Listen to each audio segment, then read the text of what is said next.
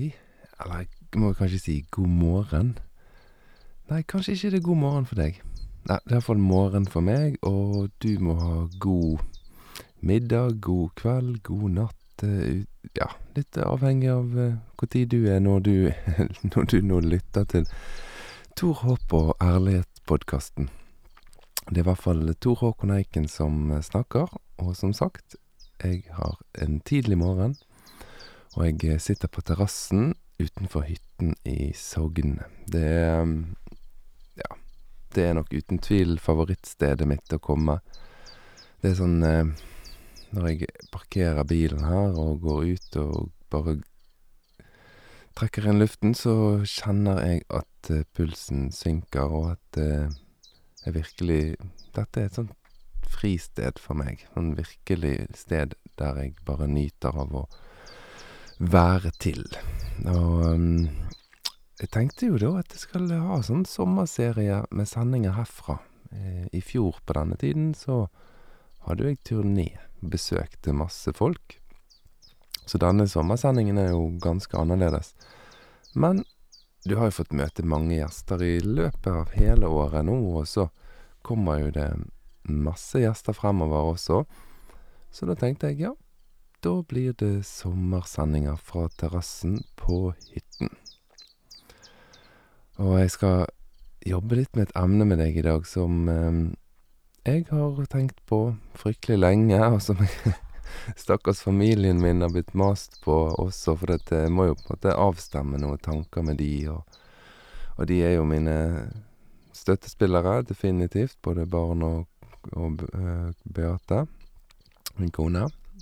Men de er også de tøffeste kritikerne, selvfølgelig. De tør å si når ting ikke er bra, og når episoder ikke helt gir mening. Så i går, når vi kjørte innover til hytten, så merket nok Mathilde, som jeg kjørte sammen med, da, det yngste datter, så merket hun nok at jeg var litt betenkt. Og så spør hun meg da hvorfor er det hva er det du tenker på?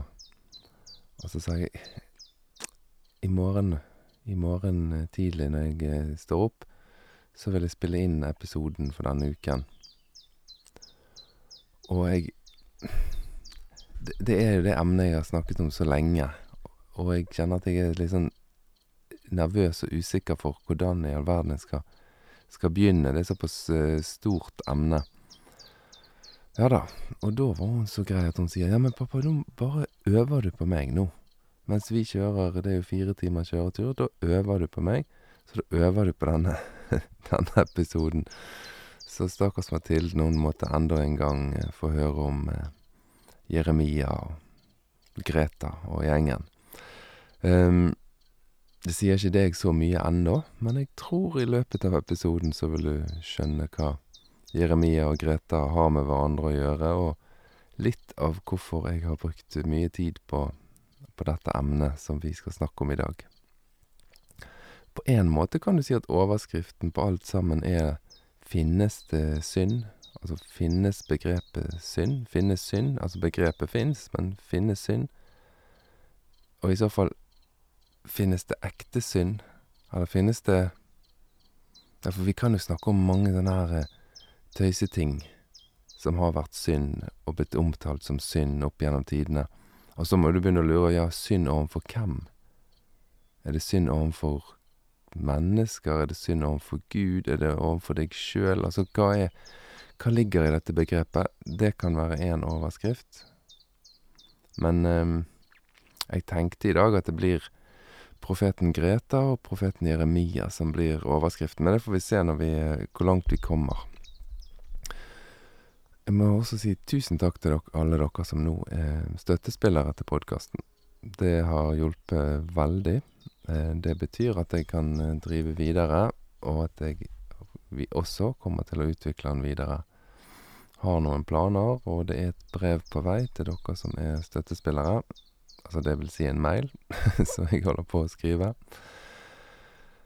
Det er jo flere av dere som har fått til å registrere dere på den Patrion-siden. Og så er det noen som har bare rett og slett opprettet fast trekk over til Tor Håp og Ærlighet sin konto. Det er hyggelig, Og for deg som ikke har fått til Patrion-siden, så var det å gjøre som noen andre har gjort, sende meg en melding eller mail, så lager vi en løsning der du gir en liten gave til Tor Håp og Ærlighet-podkasten. Og da blir det en fast overføring, og den kan du selvfølgelig avslutte når du vil. Jeg blir ikke fornærmet, og jeg blir ikke fornærmet om du ikke blir støttespiller. Dette er jo utrolig viktig å få frem for meg. At om du lytter til denne podkasten, syns den er nyttig og fin, men ikke ønsker å støtte, så er det også selvfølgelig helt 100% ok. Og om du vil støtte en liten periode, og så hoppe av igjen, er det også selvfølgelig helt, helt ok. Men for deg som kjenner at ja, denne podkasten hører jo jeg på regelmessig, og jeg syns det er bra at det finnes en sånn podkast i Norge, så er det Ja, selvfølgelig setter jeg veldig stor pris på at et, et, et støttebeløp. Og det ligger på Patron-siden, tror jeg det begynner på 50 kroner, eller 5 dollar, eller noe sånt i den stilen, er første sånn innsteg, eller sånn, ja, et månedlig beløp, da, og så kan du velge andre beløp. Men, men det, ja, det er ikke meningen at det skal koste, koste penger å høre podkast. Den er gratis uansett, og det er du som velger. Ja. Det må jo nevnes. Det er jo sånn det er. Det er jo ingenting som bare går av seg sjøl. Um, alle ting krever en innsats, alle ting krever en ja, en viss finansiering. Ikke alle ting som krever finansiering, men, men ganske mye. Ja, tilbake til emnet. Du har nok forstått at jeg i mange år var pastor. Jobbet med barn og ungdom hovedsakelig i en stor menighet i Bergen. Og før den tid så var jeg ganske aktiv på bedehuset og, og kirken der som eh, jeg bodde med mine foreldre. Um, hvor denne interessen for Bibelen kom fra, det er jo sånn som du aldri helt blir klok på. Jeg har vokst opp i et ganske sunt og normalt hjem med en uh, kristen tro som en del av livet. Ikke noen sånn intens masing og lesing og bønnesamlinger, eller veld, veldig, veldig vanlig norsk hjem, vil jeg si. Men sånn i 15-årsalderen så ble jeg veldig Jeg vet ikke. Jeg ble litt sånn Hva ord skal jeg bruke? Fascinert, da, av dette med tro og denne her Bibelen og disse gamle tekstene. Og så skjønte jeg der på bedehuset at de mente virkelig at Bibelen er Guds ord. Der finner du ordene fra Gud, og alt som står der, er på en måte Guds ord. Og så ble jeg kjent med mennesker i en annen menighet, en menighet som het eh, Levende Ord. Og de òg sa det samme, bare at de på en måte viste at ja, hvis vi først skal tro det, så må vi virkelig tro det. Vi kan ikke si at vi tenker Bibelen er Guds ord, men så tar vi versene der det står at de som er kristne, de skal kaste ut demoner og helbrede syke. Sånn, det står jo veldig tydelig. Det er jo sånt Jesus-sitat. Disse tegn skal følge dem som tror. De skal legge hendene på syke, og de skal bli friske. De skal ta slanger i hendene. Om de drikker gift, så skal de ikke bli skadet. Og så videre, og så videre. Veldig sånn klare ting. Og de disse folkene i den menigheten, de var veldig sånn Ja, vi òg tenker at eh, Bibelen er Guds ord, og da må vi tenke at alt sammen er Guds ord. Og det ble jeg veldig sånn Ja, det, det tenker jeg òg. Altså hvis, hvis vi nå først skal si at dette er Guds ord på hele, hele pakken, ja, da må vi på en måte handle på det som om det er det. Og jeg kastet meg veldig inn i den tanken. Og så, så, som, sånn i, i voksen alder, da, så er jo det mange gøye ting og gode ting med det. For det førte jo til at det ble veldig mye sånn lesing, og og jeg lærte ting lærte ting utenat og For et for det var litt sånn der magisk tanke, sant, at ja, hvis du bare lærer denne salmen og har den inni deg, og den går om igjen og om igjen på repeat, og du tenker på den, så så har den liksom en sånn magisk effekt og gjør noe med deg. Ja, nå kan du jo sikkert riste på hodet og tenke at det er en sprø gjeng, ja, men dette har jo folk gjort i alle tider og i mange religioner, sant, og så ja, så vokser vi, og så tror jo jeg at det der at vi på Levende Ord skulle ta det så på alvor, at det virkelig var Guds ord, det fører jo til at en oppdager at nei, ah, dette funker ikke, det er ikke sånn det er ment. Og så kom det en dag der jeg satt og leste noe i Lukasevangeliet. Lukasevangeliet, det er jo da det tredje evangeliet. Altså evangeliet, det er et ord vi bruker for for disse Jesusfortellingene. Vi har fire bevart fire fortellinger der ulike folk har skrevet sin sin variant av hvordan Jesus sitt liv var. Og den tredje av de, den kalles Lukas evangeliet. Og satt jeg og leste det, og så ser jeg at en ting som jeg alltid har tenkt at det er Jesus som sier, det var ikke det Jesus som sa allikevel. Det var en person han snakket med. En lovlærd eller en advokat. Og det overrasket meg såpass mye, fordi at da begynte jeg å tenke at ja, men da må jo de folkene som levde samtidig som Jesus, de må ha tenkt annerledes om Bibelen. Det heter jo ikke Bibelen nå, men de må ha tenkt annerledes om de gamle tekstene enn det jeg har lært at de gjorde. Fordi at historien er gjengitt omtrent sånn at det er en det er en mann som spør Jesus Du, Jesus, hvordan finner jeg livet? Altså, hvordan kommer jeg inn i dette livet? Og livet er jo nok da Hva skal jeg si meningen med livet? Det, det store. Det, livet med stor L. Altså høy, god kvalitet på livet. Hvordan, hvordan, hvordan finner jeg dette kvalitetslivet, da? Spør han Jesus om. Og så står det at denne mannen var en advokat. Og advokat på den tiden, det var jo en som kunne lovene i Mosebøkene. sant? En som satt og diskuterte og funderte og jobbet med lovene. Altså en klok mann, en som er utdannet på den tid, en som kan lovene. Og så sier Jesus, ja, men du kan jo lovene. Hva sier de? Hvordan er det du finner livet der? Og da svarer denne mannen, da. Nei, det er jo summen av alt som står i disse lovene. Det at jeg skal elske naboen min, og så skal jeg elske Gud. Altså alt som er til, alt som er blitt til, alt som er rundt oss, altså natur og skaperverk og naboen. Jeg skal elske det like høyt som meg sjøl. Og det høres kanskje ikke ut for deg som en stor ting at han sa det, men for meg ble det en veldig stor ting. For tenk på det, da.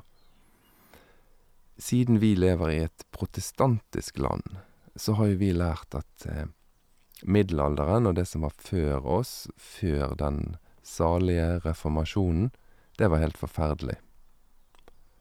Og så har vi på en måte lært at før reformasjonen så må vi gå helt tilbake til den første kristne tid for å finne den ekte kristendommen, og da må det være de som levde etter Jesus, og de første som fulgte han, det er på en måte originalkristendommen. Og så ser vi at vi også har lært at på en måte de som levde samtidig som Jesus, jødene, de var veldig dumme og forferdelig harde og grusomme og ja, et forferdelig folk. Altså, alt dette har jo vi lært fordi at historiefortellingen vår, den trenger å bygge opp et sånn bilde av at vår kultur Vår kultur er unik, og vi skilte oss ad fra de forferdelige folkene på den tiden og på den tiden.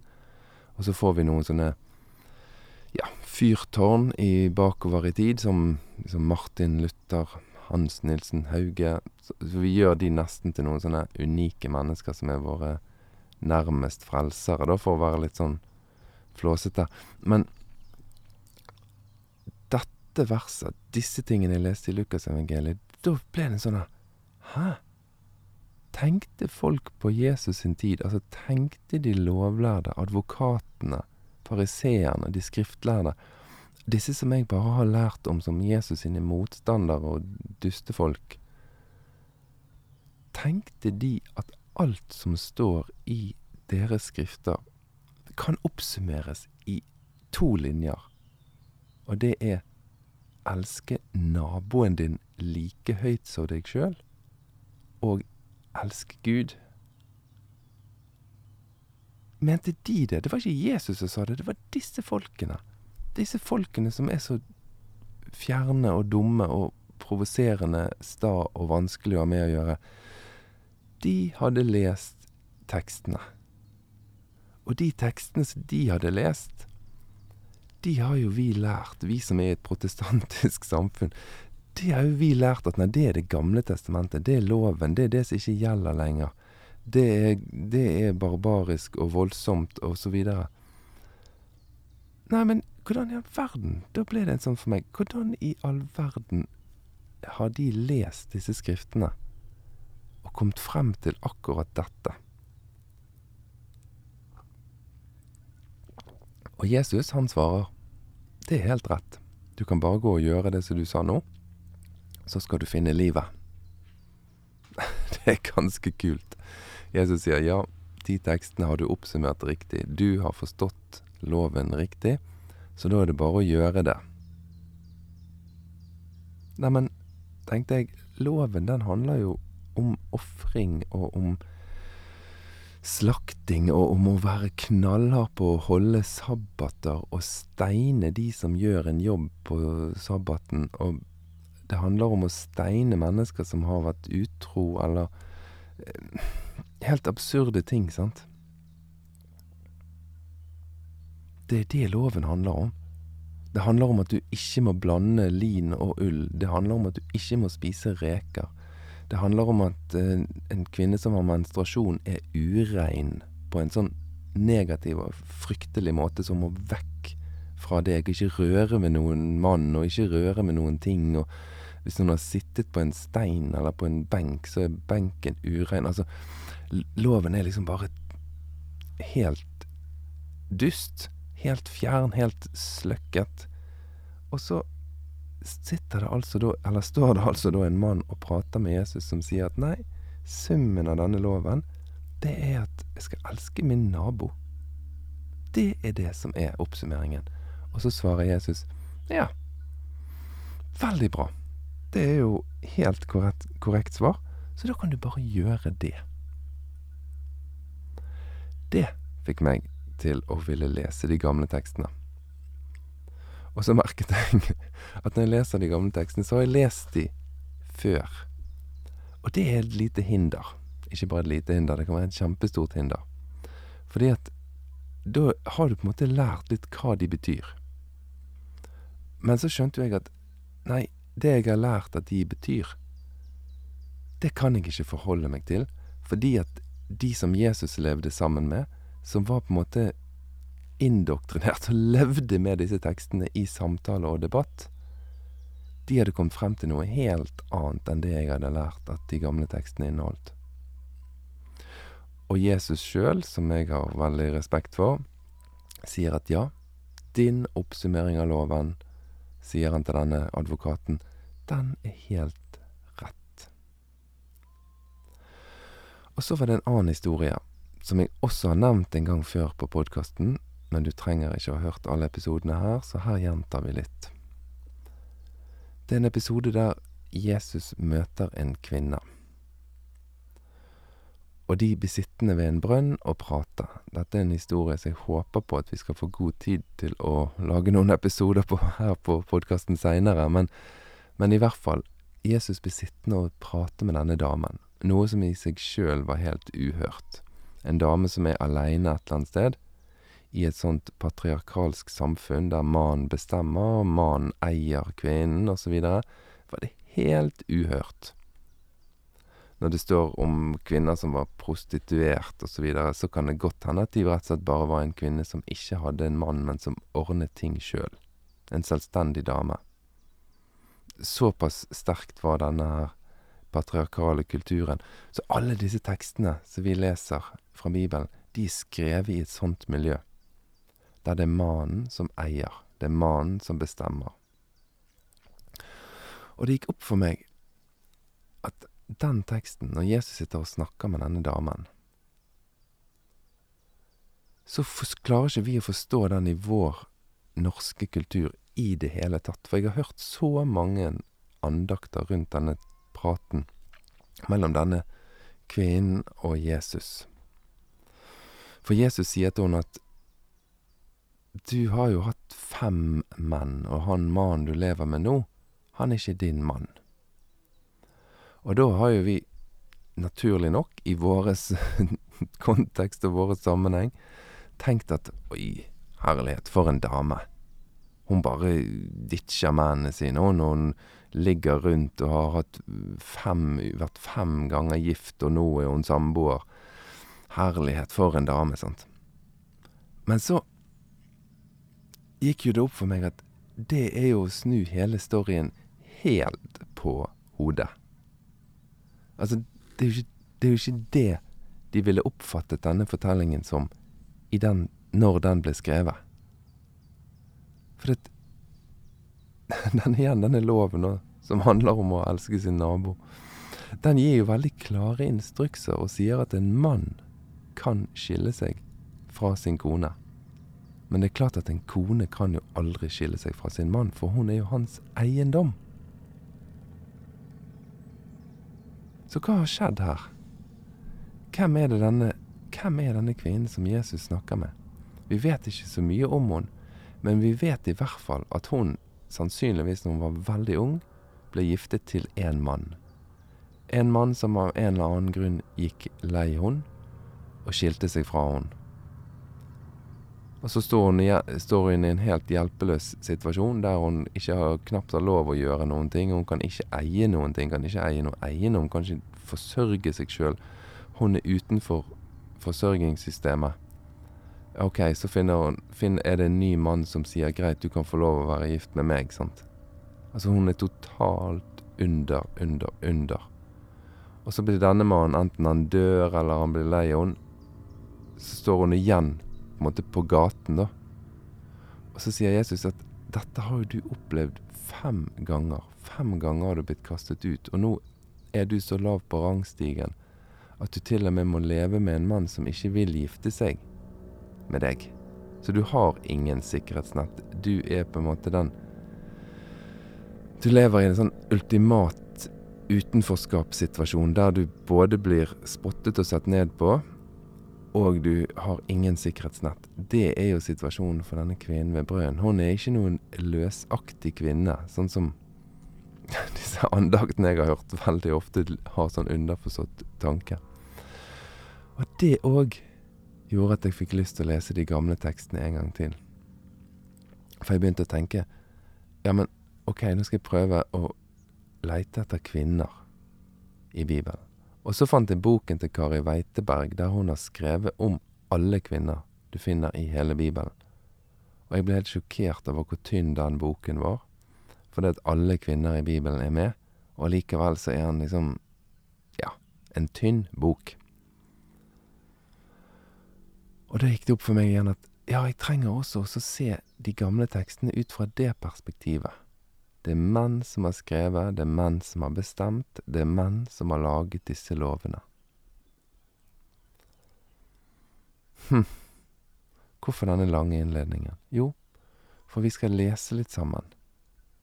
Vi skal lese om en ung mann. En ung mann som lever i en by, og han ser at det kommer til å gå galt med denne byen. Så han gjør noen handlinger, noen sånne billedlige handlinger, og lager noen sånne teatralske forestillinger. Prøv å tenke deg i dag, da. Kjenner du til noen ungdom som har gjort noen billedlige handlinger som har fått oppmerksomhet? En eller annen ungdom som virkelig irettesetter makten og politikere og de rike i vårt samfunn? En eller annen ung person som da blir snakket stygt om og blir snakket ned og blir marginalisert og satt på siden og prøvd å usynliggjøres fordi at det som den ungdommen sier, det vil kreve stor endring i samfunnet vårt. Kjenner du til noen sånne navn? ja, det er mange, men kanskje den mest kjente er nok Greta Thunberg. Og vi skal lese om en sånn Greta Thunberg-person. En som ser at, vet du hva, nå rakner samfunnet vårt. Og han mener jo at nå rakner det fordi at vi ikke forholder oss til disse lovene som sier at vi skal elske naboen vår. Vi bryr oss ikke om de. Og så lager han masse bilder. Han lager masse fortellinger og bilder som du skjønner når du leser de, dette er fortellinger og bilder som han forteller for å skape oppmerksomhet. Mens når du har lest sånn som meg, når jeg har lest de bøkene som om de er Guds ord, så klarer du liksom ikke å skjønne at de bildene han bruker for å skape oppmerksomhet, at de er nettopp bilder som er for å lage oppmerksomhet. Du tenker at det som han sier her, det er innholdet. Og det blir omtrent som om jeg skulle si at Greta Thunberg sitt mål, det er å få så mange mennesker som mulig til å streike og sitte utenfor skolen sin med en plakat. Var du med på den? Du vet jo at hennes mål er jo ikke på noen måte at folk skal sitte med en plakat og sitte utenfor og streike og ikke være på skolen. Hennes mål er jo heller ikke at alle som skal til, fra Europa til USA, skal seile i en seilbåt. Jeg har, jeg har sett at det er noen som tror at det er det hun mener. Mens hun var jo helt tydelig på at nei, jeg vet jo at vi ikke kan drive og seile til USA. Og jeg vet at det å lage en seilbåt er mer CO2-utslipp fra det å støpe en seilbåt enn å, enn å fly til uh, Statene. Men jeg seiler over her for å vise at vi har bygget et samfunn som ikke er bærekraftig. Vi kan ikke leve sånn som vi gjør. Ja, mens folk tenkte jo latt, prøvde, Noen prøvde jo latterliggjøre det hun gjorde, og si at ja, skal alle seile til USA? Det går jo ikke an. Det, det, det, det vil kreve sånn og sånn. Nei, det er jo ikke seilbåten som er poenget. Og sånn er det også med denne mannen, så dere skal få begynne å få litt eh, Få litt info fra meg i dag. Eh, det er jo ikke historiene han forteller som er sentrumet. Og det kan være litt vanskelig å få med seg. Så dette er rett og slett en episode som er ment til å hjelpe deg, ikke for å late som jeg er så utrolig dyktig, men jeg tror at det som jeg har oppdaget her, er noe som kan gjøre det å lese Bibelen litt mer interessant, og du vil kjenne at den er faktisk utrolig mye mer relevant for vårt, vår situasjon i dag. Når du skjønner at det er ikke plakaten som er målet, det er ikke seilbåten som er målet. Bildene og det teatralske og det han legger opp til, det er ikke poenget. OK. Jeg skal Ja, du har jo skjønt det skal, vi skal lese litt fra Jeremia. Nå vet jeg ikke helt hvor langt vi kommer i dag, men vi må jo begynne litt her. Og så får vi se om vi går videre og snakker mer, eller om episoden blir sånn at du tenker nei, dette var for mye. Nei, men, men prøv å henge med litt, for det, dette har Dette har Dette har for meg vært en utrolig gøy opplevelse og sjokkerende opplevelse. For at når du begynner å lese Jeremia-boken, så blir du bare mørkredd. Og du tenker du at hvis du tenker det spørsmålet som jeg sier er helt feil å stille, da, men det som har vært vanlig å stille, det er liksom Hvorfor sier Gud dette? For det, den begynner veldig sånn med at Ja, først er det en veldig sånn kallsopplevelse. Veldig sterke grafiske beskrivelser om et sånn der Jeremia blir kalt til å være profet. Og det vil du se. At alle som vil ha en litt sånn autoritet i det de gjør i dette samfunnet, de trenger å ha en historie som viser hvordan Gud valgte de. Sant? Alt fra brennende busk til Paulus som blir kastet av hesten, og lyset og altså en, Men det gjelder ikke bare de bibelske fortellingene. Så det begynner med en ganske voldsom sånn kallsopplevelse.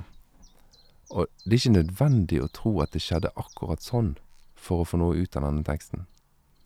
Men still deg det spørsmålet som jeg har sagt så mange ganger. Hvorfor skriver forfatterne at dette skjedde? Hvorfor beskriver de akkurat dette? Og så kommer du fra Jeremia, det er i Det gamle testamentet. Så kommer du til kapittel to, og da begynner du å tenke at han er jo helt sprø. Han skriver Eller han skriver ikke. Han har én person, det, det står fortalt om i Jeremias bok, han har en person som skriver ned. Jeremia, han fremfører muntlig. Og da må du se for deg en, en bygd. Et lite sted. Du kan få lov å velge sted sjøl.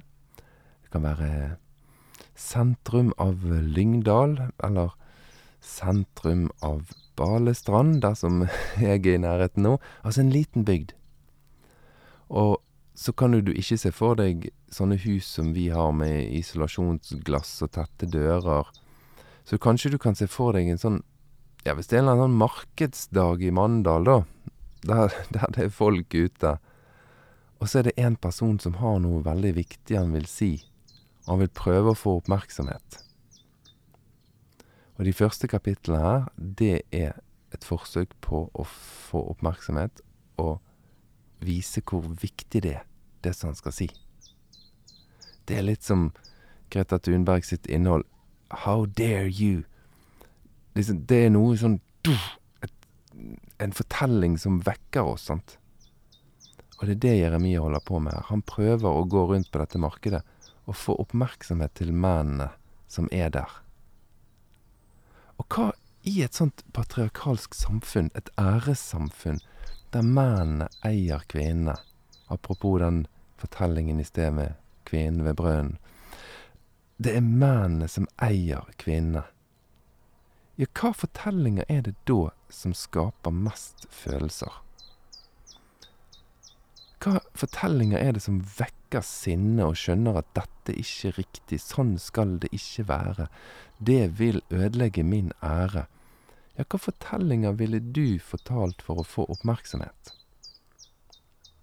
At VG og Dagbladet, de har forstått det. De lager sånne plussaker, og overskriften er sånn Var utro. Angrer ikke. Eh, sidespranget styrket forholdet. Eh, slik får du den beste, det beste sexlivet. Og så lager de det som plussaker, og det gjør jo de helt sikkert fordi at sånne saker gir oss mennesker lyst til å trykke på pluss og se hva i all verden er dette her for noe. Var utro og angrer ikke. Hva er dette for noe? Sånn at de skaffer nok sine abonnenter oppmerksomheten De skaffer stor nok oppmerksomhet gjennom sånne saker til at folk legger inn kortet sitt og abonnerer, istedenfor å bare lese sakene som ligger gratis. Dette hadde Jeremia skjønt. Han hadde skjønt at disse fortellingene, det kommer til å gi oppmerksomhet. Så han sier sånn Og da er vi kommet til kapittel to, og for eksempel fra vers Du kan nesten lese hvor som helst, så finner du sånne vers 20 rundt der. Under hvert frodig tre la du deg ned og drev hor. Altså, om du vasker deg med lut og sløser med såpe, er din skyld like skitten for meg. Og så, ja, sånn bare går han på igjen og igjen og igjen. Så flink du er til å finne veien når du er ute etter elskov. Derfor har du også lært deg å gå på onde veier. Ja. Og så sammenligner han liksom Dere er som en, som en kamelhoppe i brunsttid. Det er jo rimelig grafisk. sant? Jeg har jo sett det når jeg er ute og lufter hunden min, at hundeeiere som kommer med, en, med hunden sin, og den hunden har løpetid sant? Så beskriver han ja, du er som et esel som byr seg frem i brunsttiden. Og så har du sett eh, valpen, da, eller ikke valpen, men hunden som er mm, i løpetid, byr seg frem. Og så ser du eieren blir jo helt brydd, sant. 'Å, dette er flaut'. Men han beskriver da kameler og esler som er i brunsttid. Og for et sånt samfunn der kameler og esler var vanlig, så er det nok veldig mange som har sett dette, og sett dette og hvordan dyr byr seg frem. Og det er jo ganske grafiske fortellinger Jeremia holder på med her. Og så sier han sånn er dere. Det er ikke akkurat vanskelig å få dere over på feil side. Det, jeg tror han også Jeg mener det Jeremias også beskriver at du er som en prostituert som ikke engang tar betalt for jobben. Veldig, veldig grafiske fortellinger. Og han gjentar det og gjentar det og gjentar det og gjentar det. Og hvorfor er det så gjentagende? Jo, fordi at dette er muntlige fremføringer. Muntlige fremføringer som en skriver skriver ned. Og når jeg sitter og leser dette, her, så må jeg ta en liten sånn pause. Trekke meg litt tilbake fra teksten. Dette håper jeg du vil gjøre etter du har hørt podkasten. Og så kjenne litt på følelsene. Hva følelser gir denne teksten meg? Prøv å tenke på at dette er et patriarkalsk samfunn der æreskulturen er viktig. At en kvinne er utro, at en kvinne løper etter fremmede menn. At en kvinne legger seg ned på hver en haug og ved hvert et tre og ved hver en busk, bare for å ligge med de som hun måtte møte på. Altså, hva gir dette her for en opplevelse for de som er på dette markedet i Lyngdal? altså, og, og, hvorfor er det så viktig at, det, på en måte, at de oppfører at israelsfolket er som en kvinne som er utro? For det vekker oppmerksomhet. Og jeg får da veldig den følelsen at Ja, men hva er, de, hva er det de har gjort som er så galt? Hva er det egentlig du vil si? Jeg sitter med den følelsen av at alle disse fortellingene her, de første fem-seks kapitlene, det er plakater det er seilbåten til tu Greta Thunberg. Det er skolestreiken. Men det er jo ikke skolestreiken, seilbåten og plakaten som er sentrumet.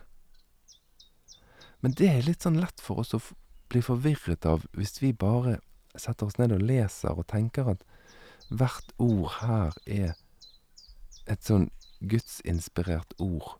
Og særlig siden han så ofte sier at 'så sier Herren', eller 'Herren sa til meg'. Men du må lese ganske mange kapitler før du finner ut og får svar på det spørsmålet hvorfor er Jeremia så sint? Og leser du hele boken, så vil du merke at Jeremia han er jo dypt deprimert. Igjen en ganske sånn sammenfallende sammenligning med den unge jenten som er profet i dag. Hun som våger å ryste eh, toppmøtene og si at 'how dare you', hun som tør å tale til FN, hun som tør å streike, hun som tør å sitte med plakaten, hun som tør å seile. Jeremia er deprimert fordi han ser at dette folk vil jo ikke endre seg. De gjør dette hele tiden. De driver hor på hver en haug. Og så tenker du ja, det er det. Det seksuelle synder. Det er det som er problemet. Nei, det vil du se. Det er ikke det som er saken i det hele tatt. Denne boken handler ikke om sex i det hele tatt. Ja, men Tor, du sa jo nettopp at fem-seks kapitler var sånn. Ja, men det er ikke det han handler om. Og det vil du kjenne. Du vil kjenne at han bygger opp og skaper oppmerksomhet. Og så kommer det. Mener det første gangen er i slutten av kapittel fem. Du finner noen hint før.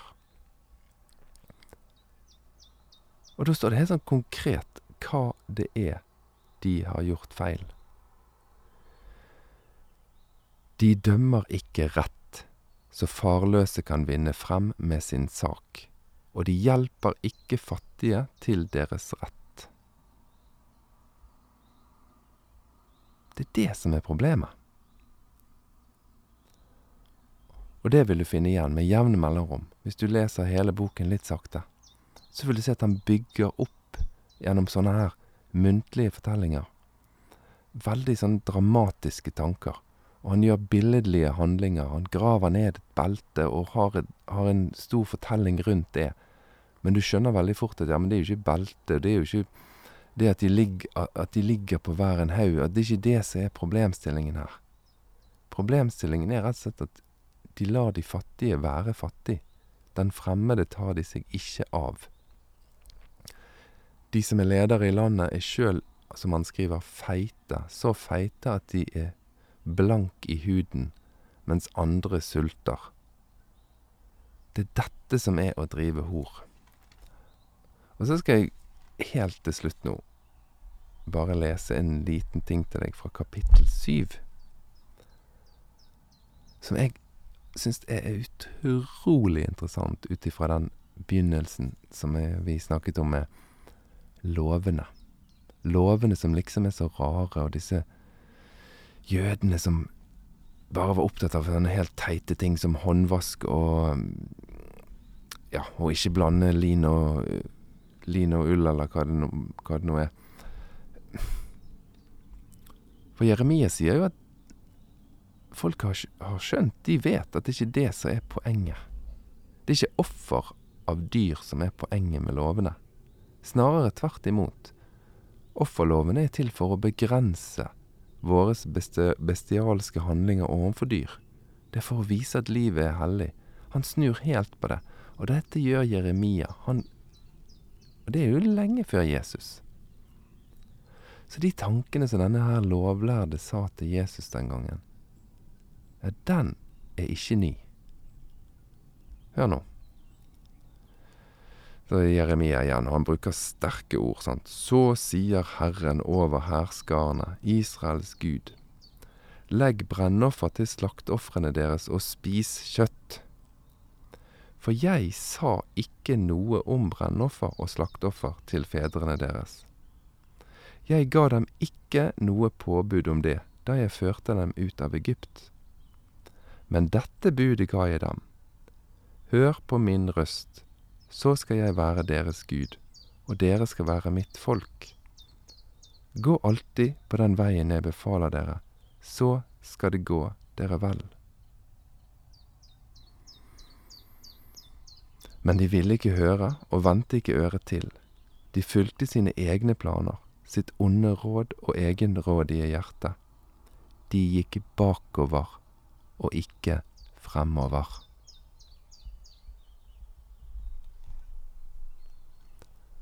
Tenk at Jeremia sier akkurat det. For det er jo noe av det som frustrerer meg aller mest i måten vi behandler Bibelen på. Vi vil gå bakover og ikke fremover. Jeremia han har jo virkelig skjønt at nei, det er jo ikke disse ofrene som er sentrum her. Det er jo ikke viktig i det hele tatt. Han sier til og med at Herren sier at jeg har aldri bedt om det. Så når dere lager dere templer og styrer på med offer og holder på og, og tror at det er viktig, ja, da går dere bakover og ikke fremover. Nå har jo du sommerferie, mest sannsynlig. Jeg har sommerferie. Har du tenkt på det at det er ganske magisk at du har sommerferie? For hvem er det som har bestemt at du skal få lov å ha ferie? Kommer det fra? Det er jo ingen selvfølge. Jo, det begynte med sånne lover som du kan finne i Mosebøkene. Alle skal ha en hviledag. Alle mennesker skal ha en dag der de ikke trenger å gjøre noen ting. Slavene, dyrene, tjenestepikene. Alt skal hvile. Alt skal ha rett på hvile. Og så kan du også se at i de lovene så fikk slavene noen rettigheter. Det ble satt noen begrensninger av hvordan du kunne behandle dem. De skulle ha mulighet til å bli fri. Dette er små, små, små steg i et helt barbarisk samfunn der det bare er den sterkestes rett som gjelder. Små steg som disse lovene oppmuntrer til, av å gå i retning av at alle mennesker skal ha noen rettigheter. Dette har utviklet seg og utviklet seg og utviklet seg over mange år. Over lange tider. Litt opp og litt ned. Men at vi har en velferdsstat som sier at alle har rett på ferie Det er jo ingen selvfølge. Du kunne jo bodd i et eller annet land nå der du ikke hadde rett på ferie. Og hvis vi beveger oss bakover og sier at nei, Skriften, Bibelen, det er sånn det som står der, det er sånn vi skal leve, ja, da beveger vi oss bakover og ikke fremover. Nei, vi holder sabbaten så vi er trygge, kunne nok disse folkene si. Vi er, vi er hellige. Og sånne, sånne, sitater finner du også i Jeremias bok. Ja, vi er gode, vi har alt på, på det rene, vi følger loven. Så sier han nei, dere beveger dere bakover, ikke fremover. Og når vi prøver å dra oss tilbake til disse gamle tekstene i en sånn grad at vi later som at de beskriver hvordan vi skal leve nå, da går vi bakover. Istedenfor å gå fremover. Istedenfor å la disse her små skrittene som er tydelige i loven, av mer menneskerettigheter, mer rettferdig fordeling, istedenfor at det er en inspirasjon til å gå fremover. Ja, da ødelegger vi hele Bibelen. Da blir han meningsløs. Så jeg håper, jeg håper at vi kan ha et par episoder nå der vi skal se litt mer på dette her, som jeg sa kanskje kunne være overskriften for alt sammen. Finnes det synd? I så fall, hva er det? I så fall, hvem bestemmer det? For vi må gå fremover, vi kan ikke gå bakover. Vi kan ikke gå bakover og si at nei, det å gjøre noe arbeid på søndagen, det er synd. Det er jo ikke det som er clouet. Det er ikke det som er sentralt. Det er ikke det som er poenget. Da går vi bakover, og ikke fremover. Og det er åpenbart at Jeremia mente det var riktig å gå fremover. Hvis du nå har blitt litt inspirert av denne episoden, og du får lyst til å lese Jeremia-boken, så må jeg si du er nødt til å skumme den litt fort først. Les fem, seks, syv, åtte kapitler litt sånn fort. Og så kjenn litt på de der bølgene i teksten. Der han bygger opp gjennom bilder, bilder, bilder, bilder, bilder. Skaper oppmerksomhet. Får oppmerksomheten til de som er på markedet og så sier han det som er sant. Så sier han det som er viktig. Og så kommer det en ny sånn bølge. Bølge, bølge, bølge, bygge, bygge, bygge. Og så sier han det som er viktig. Det finner du best hvis du ikke leser så fryktelig nøye. Bare les litt sånn overfladisk. Så kan du godt ta en runde etterpå og lese den litt sakte igjen, da. Og så har du disse her små tingene i bakhodet som vi har snakket om nå. At det er et patriarkalsk samfunn. Han skal provosere. Han skal gjøre som Greta Thunberg og gjøre noen billedlige handlinger. Han skal fortelle noen fortellinger som vekker sinne og avsky i de her som bestemmer alt. De skal kjenne at 'nei, dette er ikke greit. Sånn kan ikke vi ha det'. Og så kan du kanskje legge merke til hvordan Jeremia blir behandlet, og hvordan han blir snakket om, og hvordan han blir sett på. Og så kan du kanskje legge merke til hans syke og hans mentale følelsesregister som han innimellom uttrykker.